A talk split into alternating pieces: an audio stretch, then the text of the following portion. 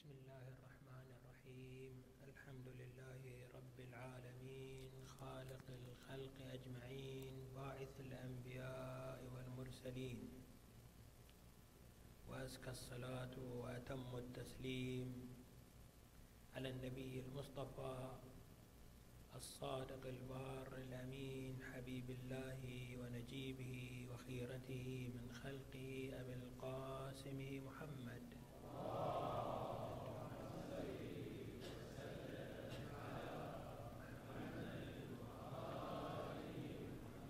وعلى آله الطيبين الطاهرين الهداة الميامين واللعن الدائم الأبدي على أعدائهم وظالميهم إلى قيام يوم الدين.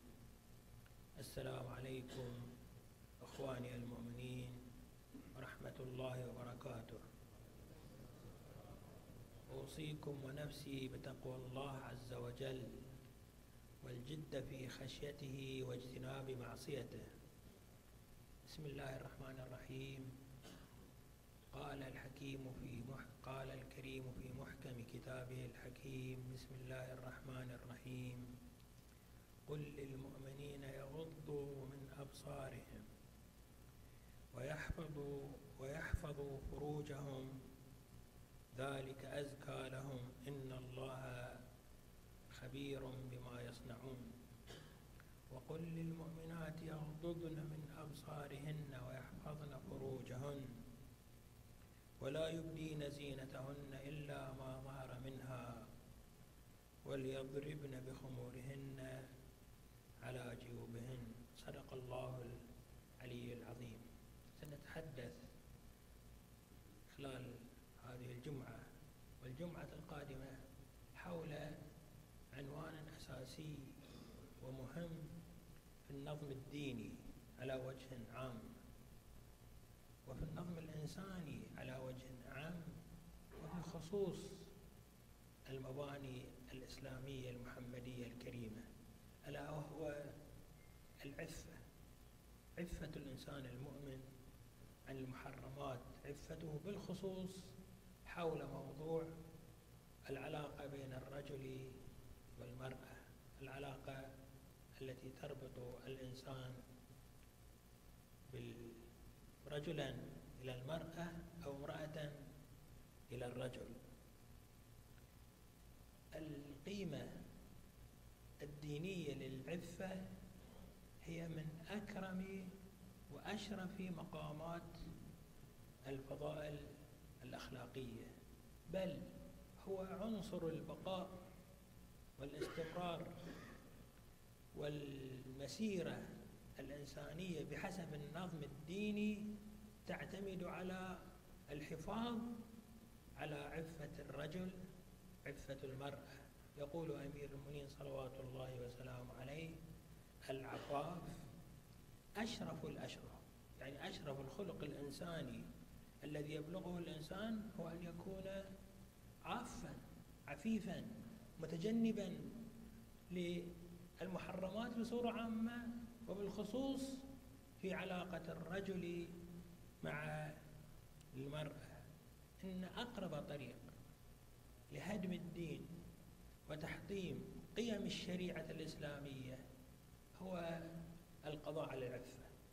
لا شك أن ما تتعرض له الديانات وما تتعرض له المبادئ الدينية المبادئ الإنسانية الكريمة التي جاءت فيها السماوات يمكن أن تتعرض إلى أنواع كثيرة من المواجهات.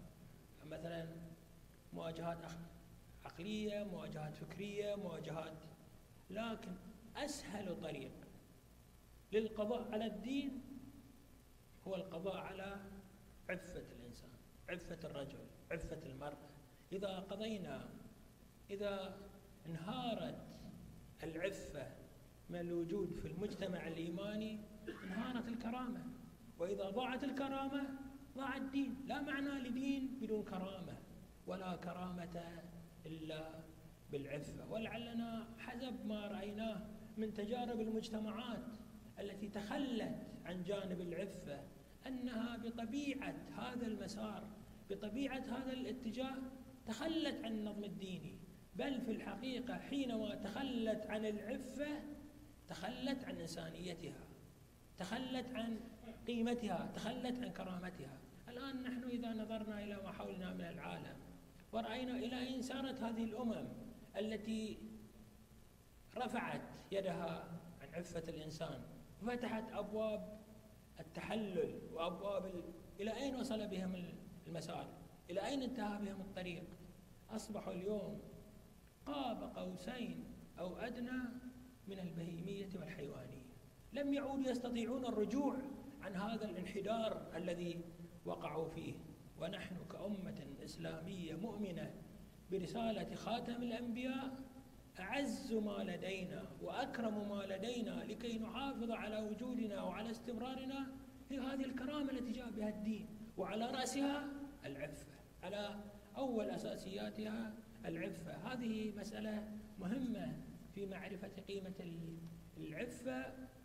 وأهمية المحافظة عليها. النقطة الثانية أن العفاف والعفة ليست مسؤولية فئة معينة.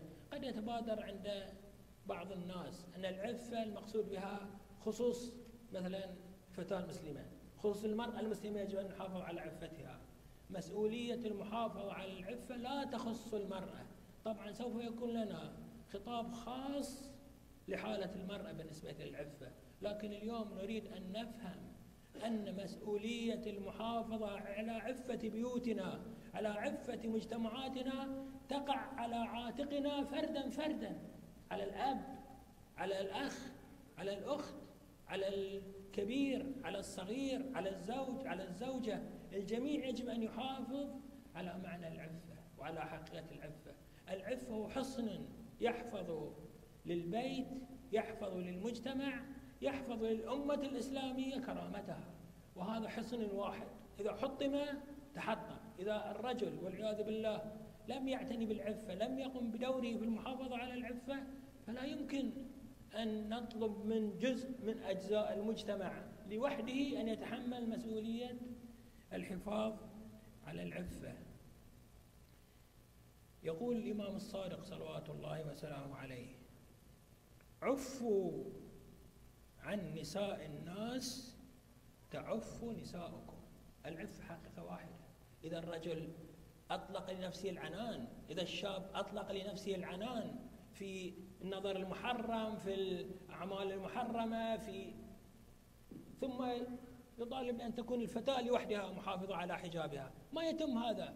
هذا أمر بطبيعة الحال. ما أقول أنه يستحيل أن يتحقق ولكن أقول بطبيعة الحال الهدم إذا وقع في الحصن وقع الحصن كله. بعد ما يبقى شيء يمكن أن تحافظ عليه. لا تقل أيها الشاب أنا أمارس هذه المحرمات بعيدا عن البيت. أنا حينما أسافر أعمل كذا. أنا حينما أخرج عن دار دارة البيت أعمل كذا. أما داخل بيتي فأنا أحافظ عليه. لا تقل أيها الأب أنا في بيتي أحافظ عليه. ولكن إذا صرت مع أصحابي مع سفر مع أطلقت لنفسي رغباتي وشهواتي. إذا الإنسان والعياذ بالله مارس المحرم مارس تحطيم عفته في نفسه فإن هذا التحطيم سوف يسري في بقية الجدار الذي يحصن به الدار. أيها الأب إن الكلمة القبيحة والتصرف القبيح الذي تقوم به وتمارسه اليوم غدا انتظر أضعافي من ابنك.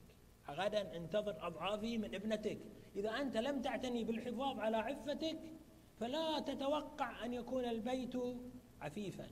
إذا لم يمارس الدو الأب دوره إذا لم يمارس الأخ دوره إذا لم يمارس الزوج دوره فإن جدار العفة الاجتماعية سوف ينهار. وبالتالي لا يمكن أن ننظر إلى العفة من زاوية واحدة ونقول أيتها الفتاة حافظي على عفتك. أما أنت أيها الولد فالأمر بالنسبة لك يختلف عن ذلك. الأمر بالنسبة لك نعم هناك خصوصية في الستر بالنسبة إلى المرأة وهذا ما سوف نتعرض له إن شاء الله تعالى في الأسبوع القادم. لكن أقول كقضية واحدة جامعة العفة حقيقة واحدة يجب على الجميع أن يحافظوا عليها ويجب على الجميع أن يقوموا بحصانتها روى الشيخ الصدوق عن الإمام الباقر صلوات الله وسلامه عليه أن الله أوحى إلى موسى على نبينا وآله وعلى جميع الأنبياء أفضل الصلاة والسلام. يا موسى عف يعف أهلك. إذا أنت إنسان حافظت على عفتك سوف يكون هذه الحال هي الركيزة الأساسية التي يقوم عليها البيت. يا موسى بن عمران إن أردت أن يكثر خير أهل بيتك فإياك والزنا. يا ابن عمران كما تدين تدان. الإنسان إذا هو مارس المحرمات فماذا يتوقع؟ إذا الرجل لم يبالي بما يعمل ماذا يتوقع؟ إذا الشاب يقول أنا أعمل كذا ماذا يتوقع من أهل بيته؟ أيها الشباب اللي تسافرون اللي تسيرون إلى الخارج اللي عندكم مجال ربما لأعمال خارج دائرة منزلكم. كلما أقدمت على عمل. تشاهد أفلام محرمة تستمع إلى أشياء محرمة هل تقبل أن تكون هذه في بيتك؟ إذا لم تقبل فاعلم أن نفس عملك هذا سوف يكون في داخل منزلك وفي داخل بيتك. يقول رسول الله صلى الله عليه وآله قدر الرجل على قدر همته وعفته على قدر غيرته. عندك غيرة على أهلك؟ عندك غيرة على بناتك؟ عندك غيرة على خواتك؟ عندك غيرة على أبنائك لا ينحرفون؟ كن أنت عفيفا. بقدر غيرتك بقدر محافظتك على معنى العفة تكون أنت يجب أولا أن تكون أنت عفيفا.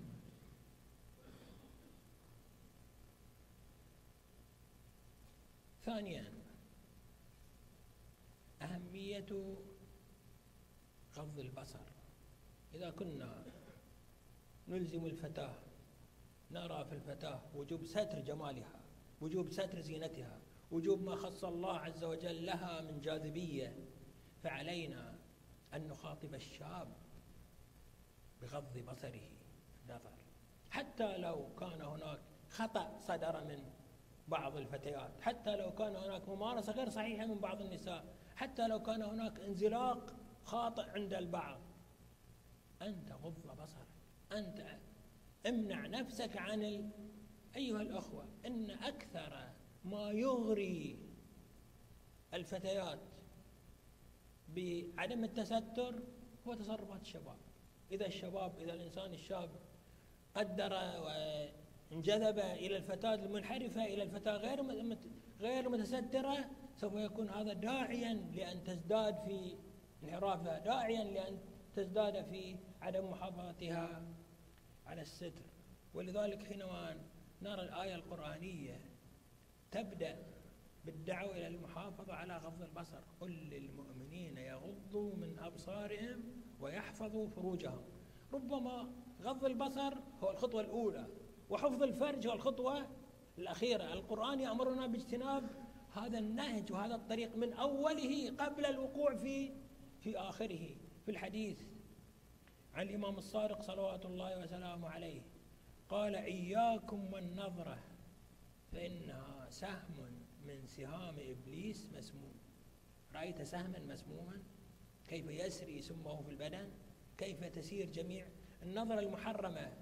سواء كانت هذه المباشرة التي يراها الإنسان في الأسواق أو نحو ذلك أو حتى في مصورات وأجهزة التلفاز وأشباهها.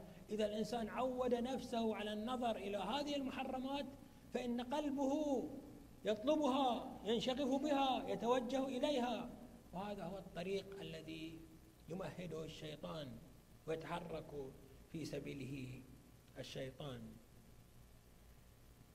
ويقول صلى الله عليه وآله من ملأ عينيه من حرام. يعني نظر إلى امرأة نظرة محرمة امرأة ليست حلالا بالنسبة له ليست زوجته. نظر إليها بنظرة محرمة من ملأ عينيه من حرام ملأ الله عينيه يوم القيامة من النار. نستجير بالله عز وجل أن يعرض المؤمن نفسه إلى مثل هذا العقاب.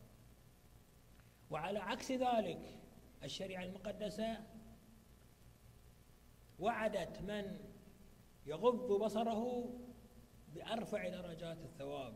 يقول صلى الله عليه وآله من نظر إلى امرأة ورفع بصره إلى السماء يعني أعرض عن نظرها. رأى امرأة رأى جمالا جاذبا مثلا. رأى شيئا ما يدعوه إلى النظر إلى المرأة فأعرض عن ذلك ورفع ببصره إلى السماء. أو غض بصره. يعني شغل نفسه بشيء من النظر إلى السماء أو أمور أخرى لم يرتد إليه بصره حتى يزوجه الله من الحور العين. الله سبحانه وتعالى يكتب له بدلا عن هذا هذه اللذة التي فوتها والتي تجنبها والتي تمنع عنها والتي ترفع بنفسه عنها. يعوضه الله عز وجل. حور عين يسجله يسجلها له في ديوان أعماله. نسأل الله عز وجل أن يجعلنا وإياكم من الملتزمين بشريعته والسائرين على نهجه وربما قطعنا هذا المقدار من الحديث عن العفة ونترك جانب الحديث حول الفتاة بالخصوص. والتزامها بالعفة وبالستر إلى أسبوع قادم إن شاء الله تعالى. ندعو الله عز وجل لنا ولكم القبول والمغفرة والرحمة ولفتياتنا ولأبنائنا بالهداية والاستقامة وعلى اجتناب المحرمات وعلى وعلى التزام نهج المصطفى عليه صلوات الله وسلامه عليهم أجمعين وأن يحشرنا معهم وفي زمرتهم وأن يفرج عن أمتنا الإسلامية. إنه على كل شيء قدير والحمد لله رب العالمين. وصلى الله على محمد وآله الطيبين.